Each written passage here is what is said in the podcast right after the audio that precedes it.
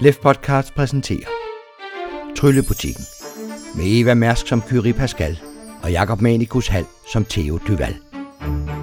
Episode 7 Theo og Kyrie løber ind i en ny sag, da vulkekvinden Josefine tigger dem om at hjælpe med at frelse hendes datter fra lokkeren. Hun fortæller dem en frygtelig historie om en dæmon ved navn Lokkeren, der i fem dage lokker mennesker til sig, som den fanger i trælleburet, og på den sjette dag sælger til dæmoner på auktion. Næsten samtidig ankommer visevært Algernon fra Jammerhuset og har brug for hjælp. Fader Melino, der bestyrer Jammerhuset, er åbenbart forsvundet, og noget ser ud til, at han har solgt Jammerhuset til boligspekulanten AS kort før han forsvandt.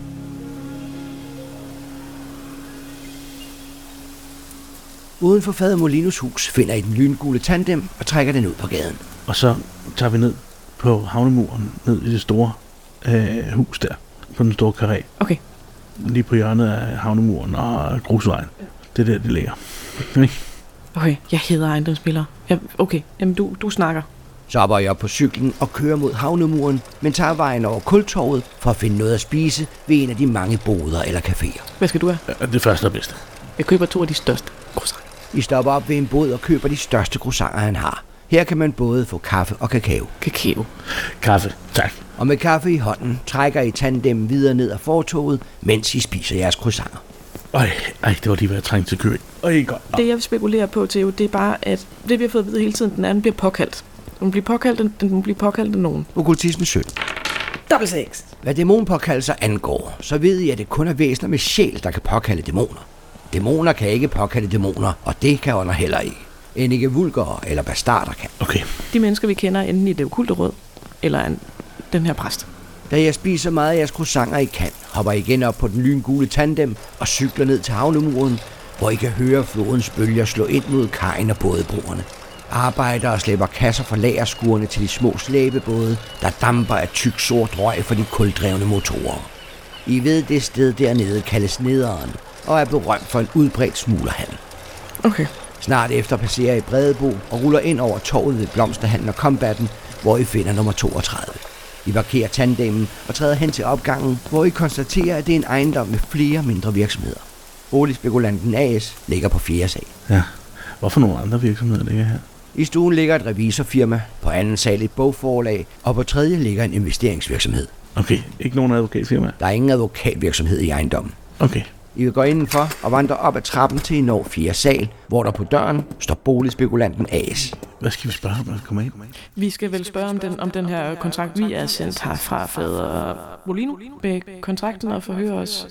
Vi skal på en eller anden måde finde ud af, om det er dem, der har givet et tilbud, eller om det er ham, der har kontaktet dem. Ja, og hvordan kommer man det? Altså, det var ikke lige et af de fag, jeg tog på universitetet. Kulturtyv. Jeg foregår så ikke engang. Og så klarer jeg den. Hvis I ikke ligefrem vil udgive jer for at komme fra fattigkassen, så kan I lade som om I kommer fra en af de velgørenhedsklubber, der sponsorerer fattigkassen. Mm. En af de mere kendte velgørenhedsgrupper, der findes, er sammenslutningen af magikere ved navn Sølvcirklen. Deres navn så I også på listen over sponsorer i Fader Molinos regnskaber. Jeg tænker, at øh, jeg skal nok tage noter øh, som din øh, trofaste assistent. Så du vil ikke snakke? Det Nej, plejer at jeg- være dig, der... jeg skal nok. Ja, Det er godt. Kø. smørtungen fra sølvcirklen. Afsted med dig. Jeg banker På. på. Og går ind, uden at vente på svar. I træder ind i en hvidmalet reception med kokostæppe og en ung pige ved en skrivemaskine. Netop som I træder ind, vender hun sig mod jer, rejser sig og går smilende hen bag receptionen. På brystet sidder et navneskilt, hvor der står Nanja Nanin. Godmorgen, frøken Nanin. Godmorgen, smiler hun imødekommende. Jeg er Duval, og det er min kompagnon, Pascal. Godmorgen. Vi kommer fra Sølvcirklen. Fra Sølvcirklen, siger hun og nikker. Hvad kan vi hjælpe Sølvcirklen med? Vi sponsorerer fattigkassen. Ja. Nanine kigger lidt undrende på jer. Fattigkassen? Ja, Den har vi vist ikke noget at gøre med. Vi har fundet ud af, øh, at øh, fattigkassen har solgt Jammerhuset. Jammerhuset. Åh, oh, I har angående jammerhuset. Ja, Præcis. Den sag hører under direktøren selv. Men det undrer os en... du ved, det skal rives ned. Hvem har bestemt det i sådan en sammenhæng? her? Frøken Nanine smiler overbærende. Det er bestyrelsen med direktøren i spidsen, der tager den slags afgørelser. Ah, øh, na- naturligvis, det er bare, øh, vores, øh, vores øh, bestyrelse går meget op i, i sådan øh, lokale øh, sociale øh, anlægsbyggerier og den slags. Så hvis, ja, hvis vi kunne høre noget fra, øh, fra ledelsen. Jeg er bare sekretær. Jeg kender ikke baggrunden for ledelsens beslutninger. Men jeg kan se, om direktøren har tid til at tale med jer. Hvad hedder han? Direktøren hedder Hubert Cortese. Herr Cortese. Ja. Er der sådan nogle billeder af direktøren, af direktionen? Af... Der hænger fotografier på væggene med glade mennesker, der står ved siden af hinanden, eller giver hinanden hånd med brede smil på læberne. Der er særligt en mand og to kvinder, der går igen på fotografierne, men billederne er gamle, og personerne må være en del ældre i dag, end de er på fotografierne. Frøken Anine løfter røret og ringer op. Goddag, herr direktør. Det er sekretæren. Jeg har to gæster fra Sølvcirklen, der ønsker at tale med dem angående Jammerhuset.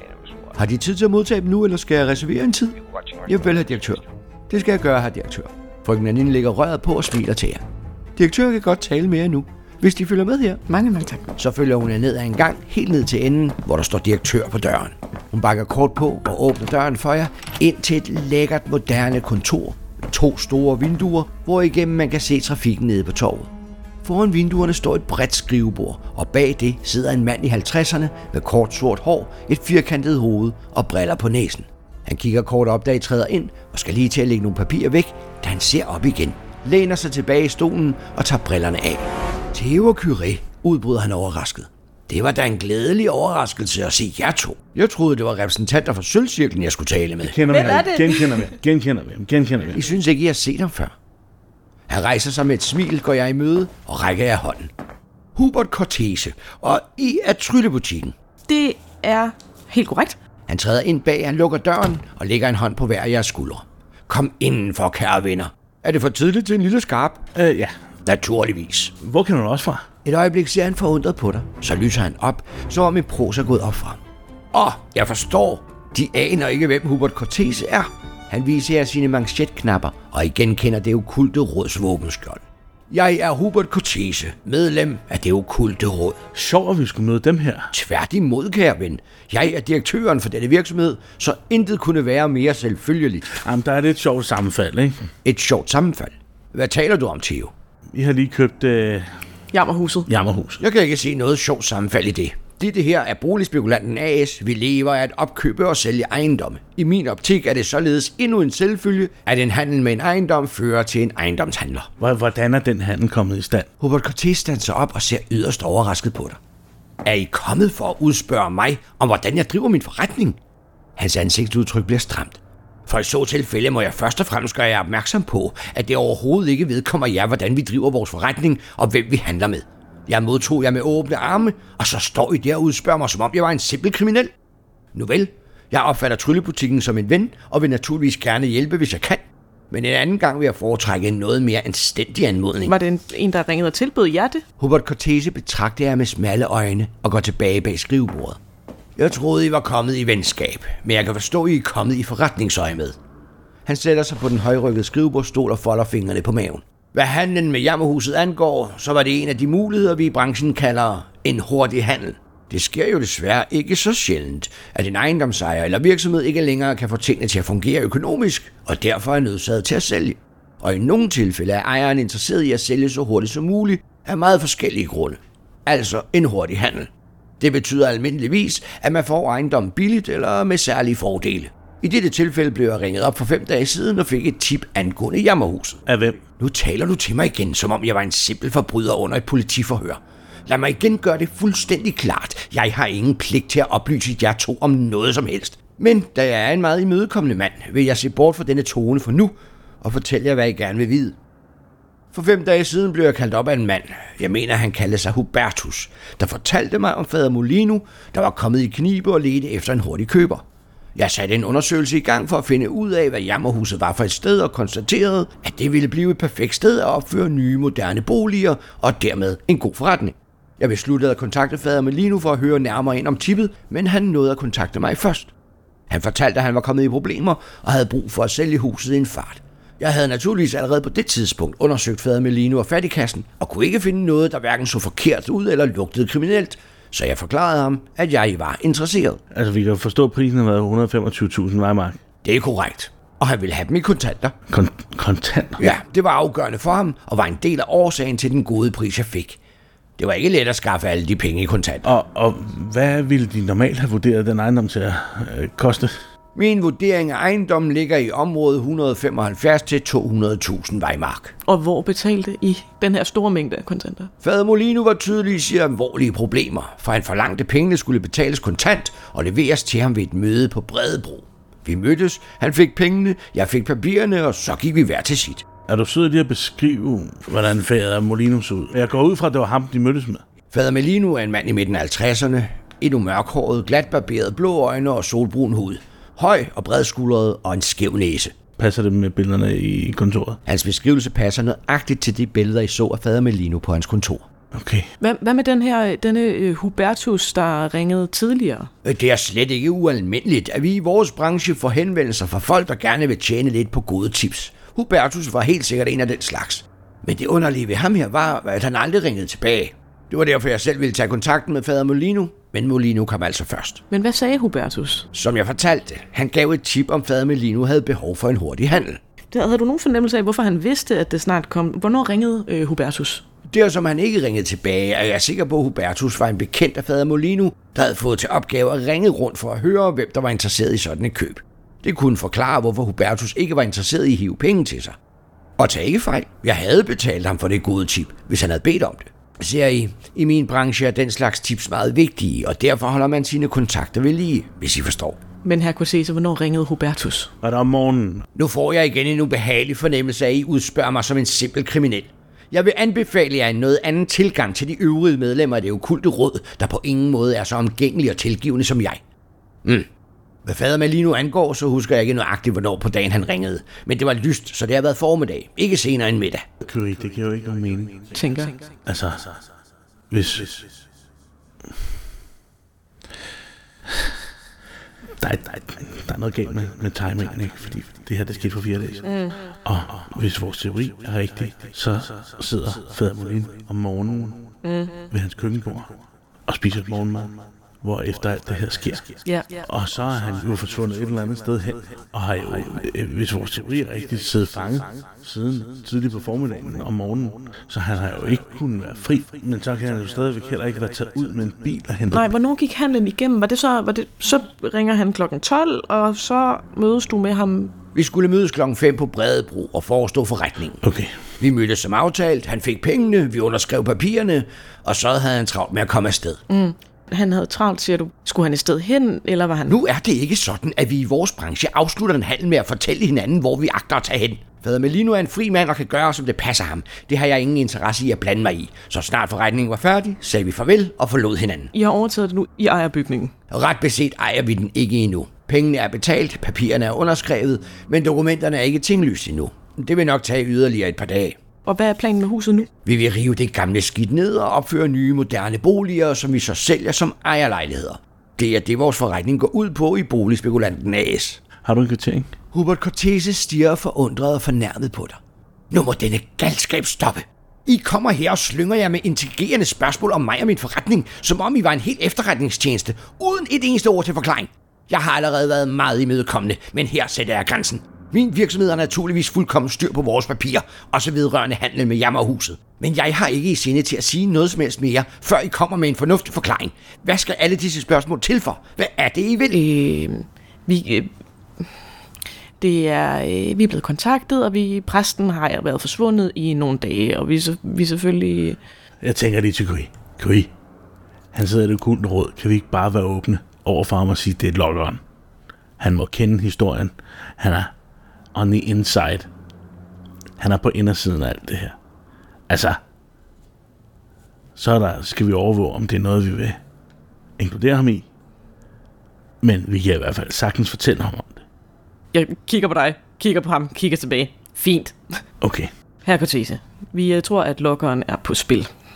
Så gerne se, hvordan han reagerer på det. Hubert Cortese standser op, og klarhedens lys glider ind over hans ansigt. Er lokkeren på spil igen? Jamen, det, er, han er vist tilbage. Desværre. Han nikker og smiler overbærende. Og nu tror I, lokkeren er indblandet i denne handel. Ja, det er vi i hvert fald bekymrede for. Jamen kære venner, I er helt galt afmarcheret. Lokkeren fanger mennesker for at sælge dem til dæmoner på en auktion. Lokkeren interesserer sig på ingen måde for ejendomshandel. Jeg er bange for, at I er på meget vildt spor. Hvis lokkeren er her, så ved vi jo nok hvorfor. Nej, det ved vi ikke. Vi er helt nye. Der er en masse ting, vi ikke ved. Hvad ved du om lokkeren? Hvad var der på spil sidst? Monokkelmanden forsøger at bryde det andet sejl ved at gennemføre et krigsritual med lokkeren. Når lokkeren påkaldes, jager den bytte i fem dage, og på den sjette dag sælger den sine fanger til dæmoner ved en aktion. Ja, præcis. Men den griske handling er vel at sælge dem, han lokker til sig. Det er korrekt. Lykkedes det lokkerne at sælge sine fanger, vil sejlet blive brudt, og monokkelmanden vil være fri. Så er helvede løs i Laksegade. Ikke? Vidste du, det var i gang? Hubertus nikker. Nu har I jo ikke ligefrem været imødekommende, end sige venligt stille. Men lad mig nu alligevel fortælle jer noget. I ved nok, vi sidder fire personer i det okulte råd. René Coppola, Eva Village, El Chanel og jeg. Vi vidste alle, at der ville ske ting, nu hvor tryllebutikken havde fået nye ejere. Sådan er det hver gang tryllebutikken får en ny ejer. Men problemet er, at de eneste, der ved, hvornår tryllebutikken får nye ejere, er det okulte råd og dukkemageren Pinocchio. Da det okulte råd naturligvis ingen interesse har i at ødelægge sejlene, så er det jo svært ikke at kigge i retning af Pinocchio. Og ham bør I nok se nærmere på. Det har vi bestemt også tænkt os, men du har muligvis været med til at lukke lokkeren ud, Herkotese. Nu må disse horrible anklager stoppe. Hvis lokkeren er ude, så er det på dit hoved. Det er dig, der har været med til at gennemføre det her. Det var dog en respektløs opførsel. Du får sådan et godt tilbud. Vil I virkelig beskylde mig for dæmoneri, fordi jeg har lavet en god handel? 50.000 var i mark. Ja, det var en usædvanlig god pris. Ja, ikke? Den ene stød den andens brød, som man siger. Men det gør mig hverken til kriminel eller dæmonpåkalder. I bliver nødt til at forstå, der er kun én ansvarlig, og det er den, som påkaldte lokkeren. Det er ham, I skal lede efter. Ellers leder I forgæves og kommer for sent. Og så vil jeg gerne frabede mig flere ubegrundede beskyldninger om, at jeg skulle påkalde dæmoner. Jeg driver bare min forretning. Det er ikke bare forretning. Det, det, Hvis alt de har at sige er disse vanvittige anklager, så har vi ikke mere at tale om. Vi er alle sammen enige om, hvorfor tryllebutikken eksisterer, ikke? er vi nu også det? Som jeg ser det, eksisterer den butik på grund af Tustasken spiller storskab, da han brød sejlene for at hjælpe monokkelmanden ud. Havde det dunkle rød ikke været der, ville vi alle have tabt til monokkelmanden. Tustasken spiller står i gæld til os, og tryllebutikken er afbetalingen. Men er det vores skyld? Skyld? Nej, men det er jeres ansvar nu. Vi har fået sådan en tryllearvesynd.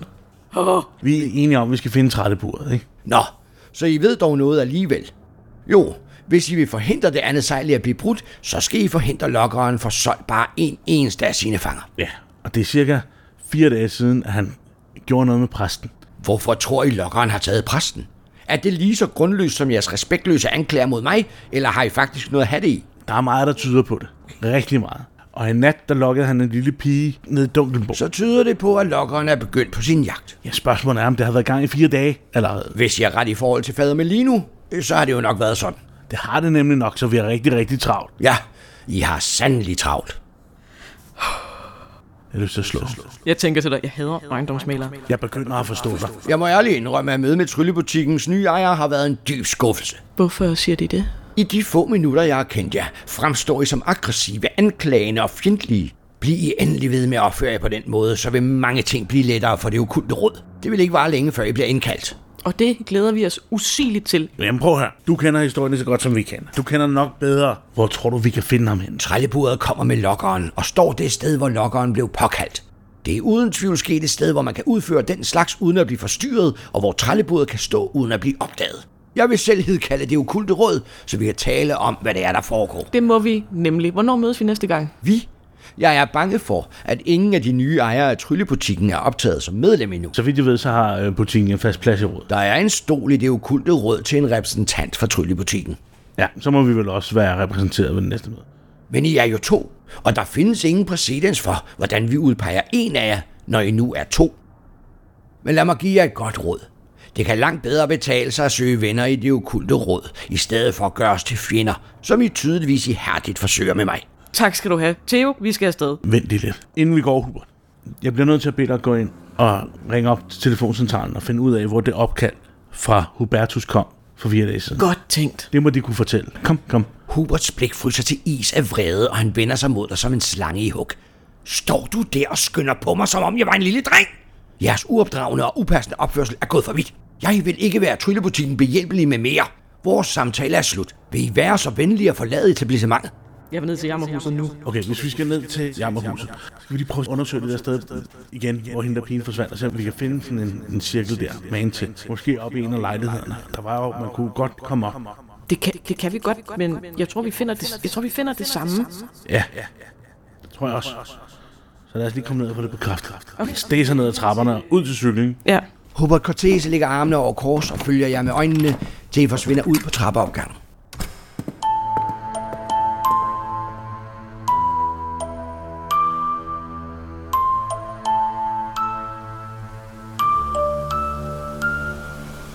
Udenfor er det koldt. Solen står lavt på himlen, og blæsten er taget til. Vi finder den lyngule tandem, springer op på den og cykler gennem dunkelhaven, tilbage til hjørnet af Krogestræde, hvor pigen Villana forsvandt. Og selvom solen er op, ligger Kroge stadig stadig hen i det dybeste mørke. Her er bare... Uh, Det er bare et lortested. Vi går ind i gyden, og går hen til der, hvor vi havde sporet hende til, og så kigger vi lige en ekstra gang. Jeg særlig kigger op, ikke? Jo, I går ned ad den lille smalle gyde og stiger op langs husmurene, til I finder det sted med store huller i murværket. Der er mindst 3 meter op til de nederste huller. Gry, hvis jeg nu giver dig en hestesko, kan du så ikke prøve at kigge ind? Jeg øh, tager, tager fat i et... Øh, Jeg har noget feltgrav, jeg har et greb og en krog. ja. tager mod rebet og krogen, svinger den rundt og kaster den op mod hullet. Fysik 11. 11? Krogen sætter sig fast i første forsøg. Du trækker lidt i det og konstaterer, at det sidder fast nok til, at du kan trække dig op i det. Okay, det er jo... Ja, Jeg holder lige fast her, og jeg hjælper dig. Kom.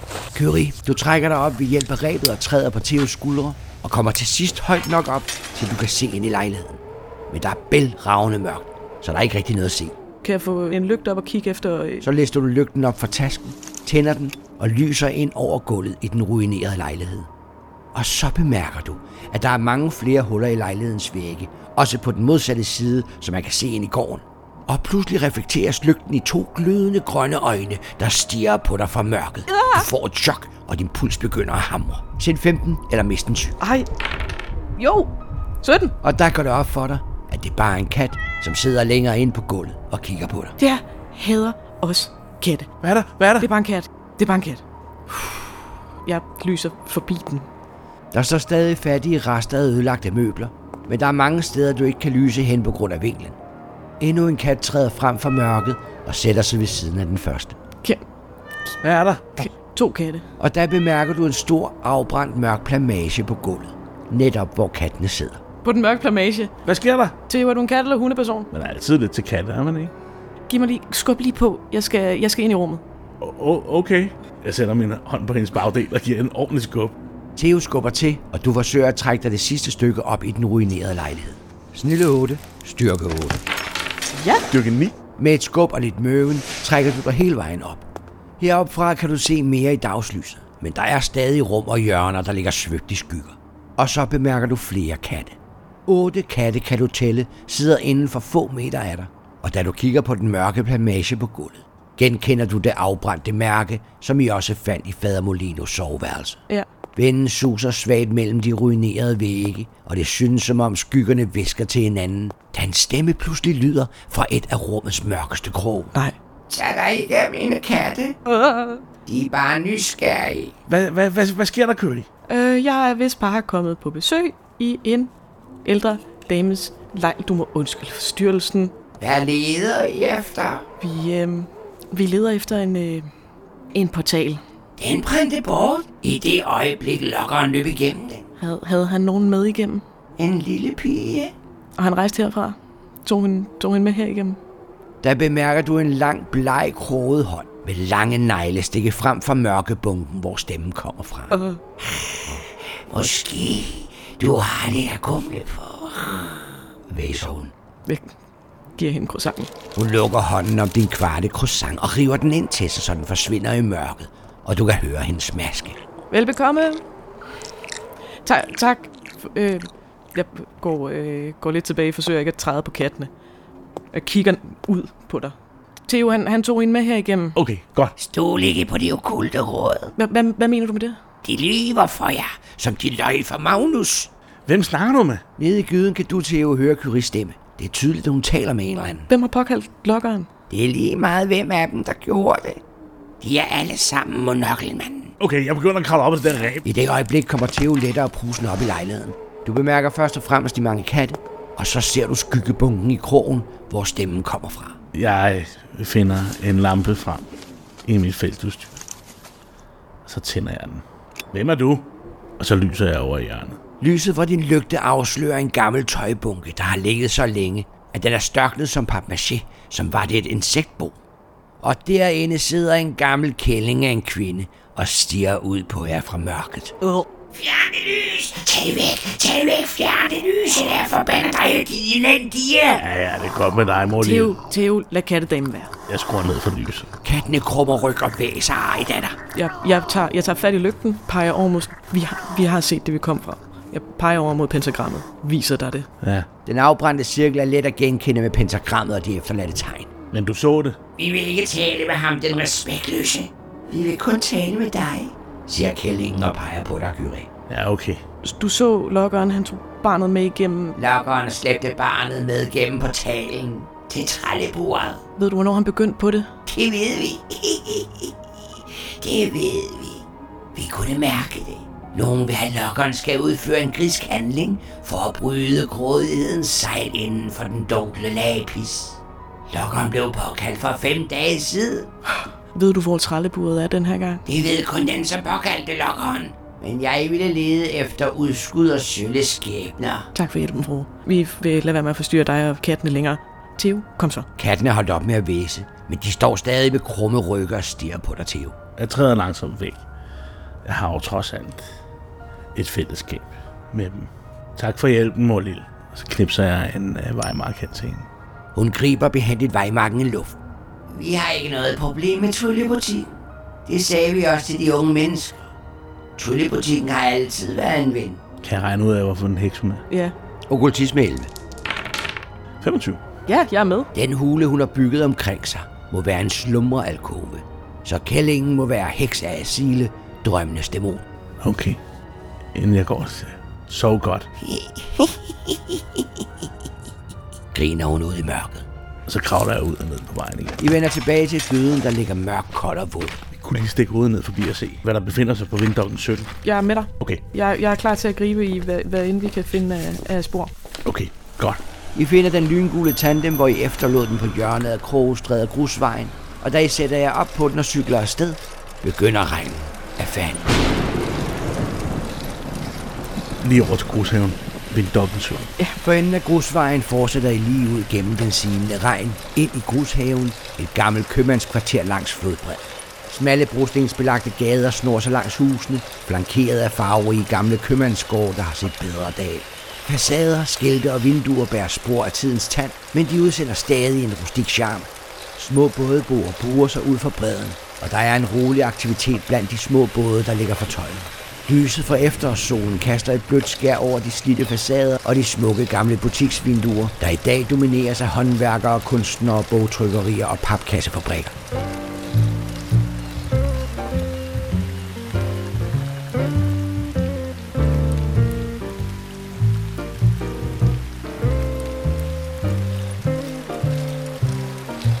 Vinddokken 17 viser sig at være et lille trekantet tog, med en statue i midten, der er så beskidt og slidt, at ansigtet og detaljerne er blevet udvisket. Og her ligger en hjørnebutik i nummer 17 i en trekantet murstensbygning. Vinduerne er så støvede, at man næsten ikke kan se igennem dem, og det man kan se, afslører noget, der mest af alt ligner et snikkeri. Hvad fanden? Hvad, er, er der et øh, navn udenpå? Er der... Der hænger et skilt over døren, men det er så slidt af vind og vejr, at man næsten ikke bemærker det. Men da du kigger ordentligt efter, kan du se, at der på skiltet står Pinocchio. Okay, lad os lige gå en tur rundt om. Ja. Vi går lige en tur rundt om det trekantede hus, bare lige for at se, hvad Der er tydeligvis kun store vinduer på facaden, mens der på husets øvrige sider løber en række smalle, aflange ruder helt oppe lige under taget. Og alle vinduerne er proppet med trædukker. Hvad Ah. hvis jeg nu giver en hestesko den her gang, så kan du kigge op til dem. Jeg skal ikke kigge op til det. Okay. Skal vi ikke, øhm, skal vi ikke kigge ind? Jo, lad os det. Lad os komme til uden der. Ja. Jeg tænker, at hvis vi skal ind i det her, så vil jeg godt lige først om at lytte ved hoveddøren. Fordi hvis vi så kommer ind i en anden magisk butik, så kunne jeg godt tænke mig at være høflige, i stedet for at vi går ind ad bagdøren. Ah, ja, sådan. Ja, det giver rigtig god mening. Lad os det. Vi kan jo starte med at banke på. Ja, I vender tilbage til butiksdøren ved den silende regn om ørerne. banker på. Så banker I på og venter, men der er til sydenlandet ikke nogen, som reagerer. Det var nøglen, vi kom fra. Jeg øh, Prøv lige at tage døren først. prøver at tage i håndtaget. Døren er ulåst, og så snart du åbner den, ringer klokkerne stilfærdigt bag den, og I stiger ind i et støvet dukkemagerværksted med drejebænke, snekerværktøj og træspunder ud over hele gulvet. Der hænger færdige dukker på væggene, og de ligger på hylderne. Alle er træ og enkelte med porcelænshoveder. Og op fra kurvene, der står langs højre væg, strider halvfærdige eller ødelagte dukker op med krakelerede smil. Det synes som om, at dukkerne af og til drejer hovederne eller øjnene, som om de var levende. Nej. Er der nogen spor på gulvet Det er en butik og et værksted, så der er mange spor på gulvet. efter sådan nogle dukkefødder? Det mest almindelige er sko eller støvler, men der er også spor efter dukkefødder. Nej. Og netop da hører I lyden af to spinkle træfødder, der nærmer sig fra baglokalet. Lad os blive stående. Ja. Jeg går- står bare og venter rigtig høfligt. Og der, fra åbningen til baglokalet, træder en trædukke ind i butikslokalet i blå selebukser, rød skjorte og gul hat. Herre Pinocchio? Dyr mit navn, siger dukken og bukker, mens den svinger venstre arm ud til siden. Jeg er dukkemageren Pinocchio. Da han retter sig op, ser han nærmere på jer med sine påmalede øjne, der hverken blinker eller kan bevæge sig. Og I er vist Theo og Curie, tryllebutikkens nye ejere. Det er sandt. Velkommen til. Mm, Mange tak. Mange tak. Lukker I ikke lige døren efter jer. Træet giver sig med al den regn. Pinocchio. Er, er det dig? Det er, som jeg sagde, Pinocchio er mig. Og jeg er, som i Carlo Collodis historie, der er ingen bånd, som binder mig. Men vi havde hørt, at Pinocchio blev brændt for 12 år siden. Du tror da vel ikke, jeg ville rende rundt i denne trækrop, hvis jeg havde min egen. Undskyld, undskyld. Jeg øh, skulle bare være sikker. Det er Marvin, der har sendt os. Marvin. Ja. Har Marvin sendt jer? Ja. Ja, det var også en værre historie med ham. Måske var det også min egen fejl. At, at hvad dog? Jeg fik en bestilling på en magog-dukke, som en magog-heks ville give sin datter. Jeg gav opgaven videre til Marvin, men desværre lykkedes det dukken at overbevise ham om, at det var meget bedre at være magog-heks end dukkemager. Man kan naturligvis sige, at det borgede for dukkens kvalitet, ja, men uheldigt var det, ja. Nej. Er den dukke stadigvæk her i butikken? Nej, naturligvis ikke. Jeg solgte den jo til magog-heksen. Er Pinocchio... Øh, Han mente, at, øh, at vi, øh, du fortæller os noget mere om tryllebutikken. vi gjorde Hvordan? ham Hvordan- en stor tjeneste, og derfor så sendte han os i din retning. Ah, jeg ser. Så han betalte jer på en eller anden måde med, at jeg skulle fortælle jer noget. Ja, Så hvis jeg ikke fortæller jer noget, så er I sådan set blevet snydt. Det er også rigtigt. Det lyder som en god omgang bondefangeri. Men heldigvis vil jeg gerne fortælle jer, hvad jeg ved. Jeg ved bare ikke rigtigt, hvad det er, I vil vide. øh, vi kunne rigtig godt tænke os at vide noget mere om tryllebutikken og omkring, hvordan den fungerer. øh. Jeg er bange for, at det kun er ejerne af tryllebutikken, der ved, hvordan den fungerer. Men, men hvad, er- hvad, hvad er sammenhængen med det okulte råd og sådan noget? Kender I ikke sammenhæng? Vi kender noget af den. Det okulte råd blev dannet af den gruppe mennesker, der i 830 besejrede marki Robert Rosach og hans kone. Ja, den historie kender vi godt til. Men helt ærligt, det er en meget gammel historie. Hvem ved, hvor meget sandhed der er i den, når det kommer til stykket? Lige nu har vi et gevaldigt problem med lokkeren. Efter misundelsen kommer griskheden. Selvfølgelig. Det er jo tid. Nu siger du selvfølgelig, og det er tid til, til hvad? Ved I ikke det? Nej. Hver gang der kommer nye ejere i tryllebutikken, så forsøger nogen at udføre de handlinger, som kan bryde sejlene. Det var jeg ellers sikker på, at I allerede havde erfaret. Ja, Ludvig fortalte mig, at det var en yderst betroet opgave at blive ejer af tryllebutikken, og ejeren derfor først får den fulde magt over butikken, når butikken stoler på sin nye ejer. Og så vidt jeg kunne forstå, benytter tryllebutikken disse angreb mod sejlene til at vurdere troværdigheden af den nye ejer, og først efter de tre forsøg på at bryde sejlene være forhindret, så vil huset acceptere sin nye ejer fuldt og helt. men lige nu, der har vi jo lokkeren. Ja, ligesom sidste gang for 38 år siden. Hvem var det, der fremkaldte lokkeren sidst? Ved du det? Det var der ingen, som vidste. Måske Ludvig, men han sagde aldrig noget om det. Men der gik mange sejlivede rygter om, hvem det var. Hvad var det? Hvem, hvem var det? Rygterne sagde, at det var en fra det okulte råd. Men hvem? Det sagde rygterne ikke noget om. I må forstå, at det her i Dunkelhavn er sådan, at man ser det okulte råd som en helhed. Hvis en gør noget, er det hele det okulte råd, der gør noget. For dem er det lige meget, hvem af dem, som gjorde det. Men Ludvig sagde noget til mig dengang. Noget med, at det okulte råd måske var dem, der var mest interesseret i at få sejlene knust, og at det skulle være hans problem. Hvorfor var det hans problem? Fordi det okulte råd sidder på magten i den okulte verden her i Dunkelkapeldistriktet. Hvis de modarbejdede ham, vidste han, det ville blive yderst vanskeligt for ham. Men dem, der sidder i det okulte råd nu, hv- hvad ved du om dem? Det okulte råd har muligheder, der giver dem stor magt og indflydelse på alle, der har sin gang i den okulte verden her i distriktet. De driver en række profitable virksomheder her i kvarteret, som de tjener gode penge på. Udover nogle ganske okulte artefakter, så driver de også en række profitable virksomheder her i kvarteret, som de tjener gode penge på. Det ældste medlem er René Coppola. Han er i slutningen af 60'erne og har været medlem i mere end 40 år, tror jeg. Hvem, hvem er den nyeste? Den nyeste medlem, det er ham spekulanten. Hvad er det nu, han hedder? Hubert Cortese. Cortese? Hubert Cortese, ja. Han har vel været medlem i snart 8 år. Det var nogen i det okulte råd sidste gang, der påkaldte lokkeren. Hvad, hvad skete der sidste gang? Hvordan fik de øh, stoppet lokkeren? Det lykkedes Ludvig at finde lokkeren og trællebudet i tide og besejre ham, endnu før han havde fået solgt en eneste fange. Ved du, hvor trællebordet var sidste gang? Det tror jeg ikke, han fortalte nogen. Men på et tidspunkt sagde han til mig, at han fandt lokkeren ved at følge pengene. Men helt ærligt, så forstod jeg ikke rigtigt, hvad han mente. Der var tidspunkter, hvor jeg fik den opfattelse, at Ludvig var overbevist om, at en eller flere i det okulte råd sympatiserede med monokkelmanden. Er det Coppola igen? Det er ham, der sidder der længst. Det er oplagt at kigge på ham. Men det, som undrede Ludvig var, hvordan denne person, hvem det så end var, kunne arbejde for monokkelmanden lige for næsen af de øvrige medlemmer. Men det er Eva Village, der ikke vil have os ind. Jeg ved ikke, om hun hellere vil have tryllebutik. Men hun kan jo ikke få tøjlebutikken. Hvis man bryder sejlene. Jeg tror, hun var en dæmon. Men så kan man ikke sidde i det okulte råd. Hvad er Eva Village? Hun er en yderst talentfuld bogholder, og og så er hun heks. Jeg tænker til dig. Hvad er det med jer? Hvad med os? Hekser hvem? Hun er hekse Hafnor, tror jeg. Også en hafnorheks. Altså både Cortese og hende er hafnorheks. Hvem siger, at Hubert Cortese er Hafnor-heks? Det fik jeg bare sådan på fornemmelse. Åh, man skal passe på med sine fornemmelser. Hvad er han? Hubert er Setna-heks. Sæt den. Sættende heks. Hvad er det? Okkultisme 19. Ja. Jeg er med. Setna er grådighedens dæmon, og er en skarakia under Hafnor, der er handlens dæmon. Og Setna er en af de syv forbudte dæmoner. Oh, nu skal vi øh, tilbage til ham. Ej, det der med Hubertus, det var bare en løgn. Det er ham. Le og Hubertus. Han kunne engang komme op med et sjovere navn, og vi lagde ikke mærke til det.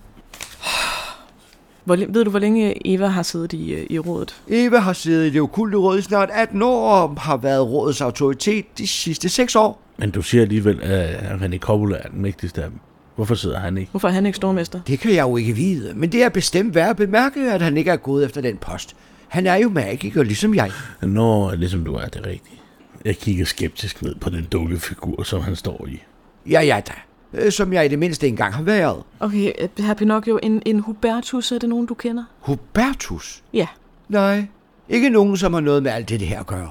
Hende der El Chanel, der også sidder i rådet. Hvad er hun? Det er hende, den laber dame med nylonstrømperne. Hun er jo noget af et lamseben, man godt kunne nappe lidt i, hvis jeg var af kød og blod. og undskyld, jeg, jeg fortabte mig vist. Og hvad er hun? Hun er hekser Lilith, dæmon for mistede ting og tanker. Hun kan godt være lidt langfingret, hvis I forstår.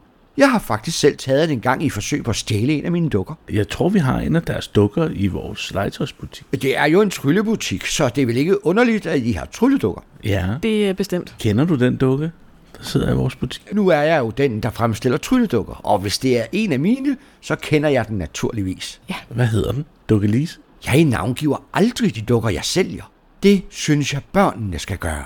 Ad. Det er der ikke noget ad over. Det er magiske dukker. Hvad kan den? Den kan opføre sig som en baby, den kan være din bedste ven, og den kan rådgive barnet, når der er behov for det. Det er så ulækkert.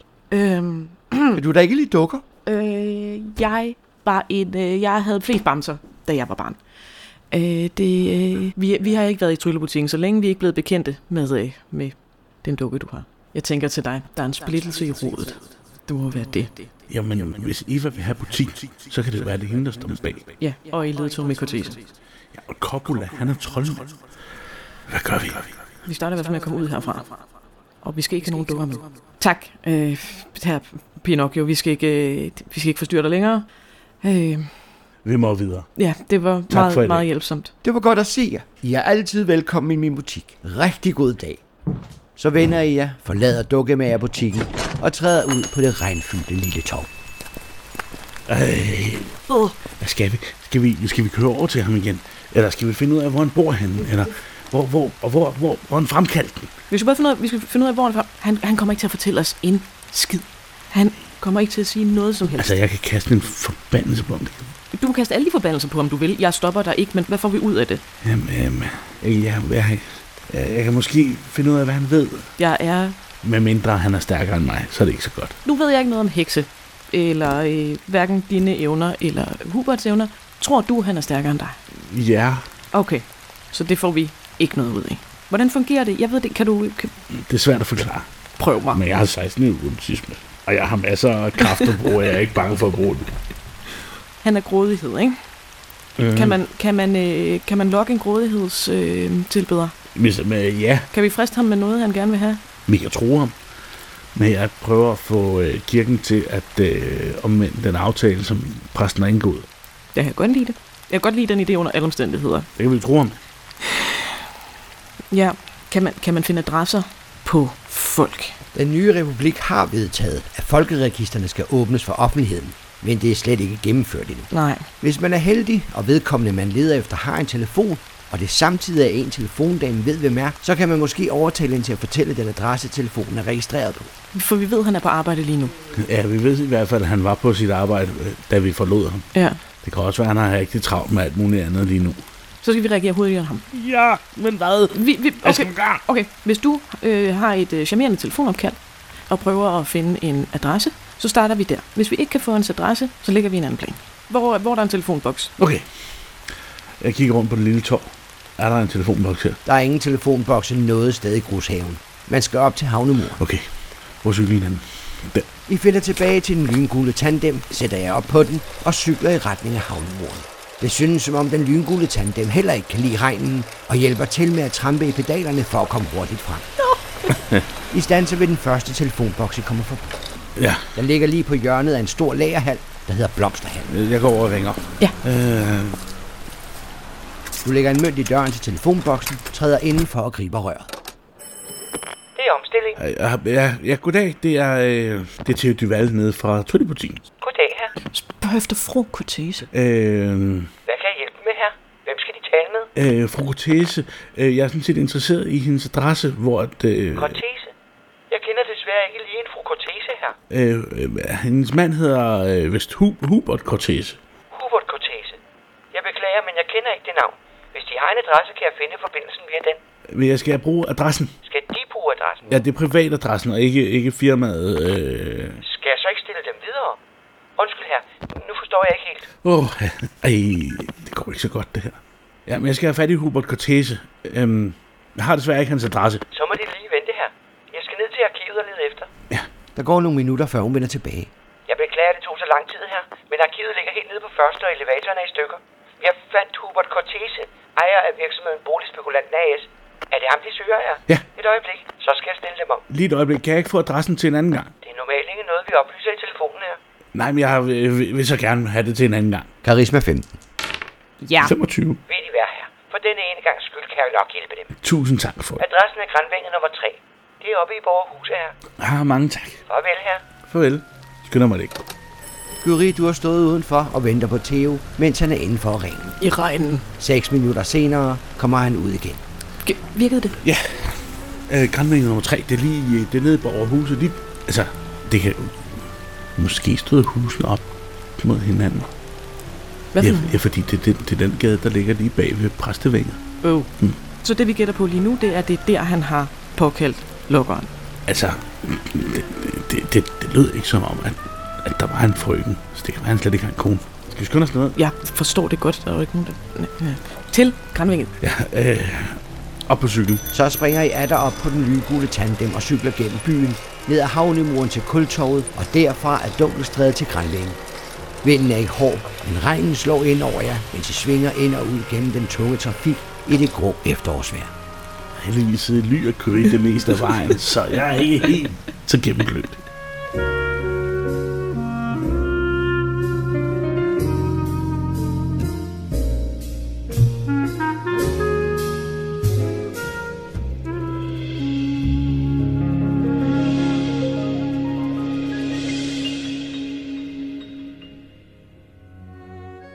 Du har lyttet til LEF-podcasten Tryllebutikken.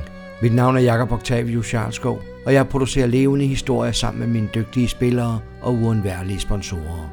Hvis du kan lide det, jeg laver, så kan jeg virkelig også bruge din hjælp som sponsor. Gå ind på patreon.com og følg med i, hvad der foregår bag kulissen. Du kan også støtte ved at like og dele og tale om os, for du er vores bedste ambassadør. Find levende eventyr og fantasi på lefnet.dk.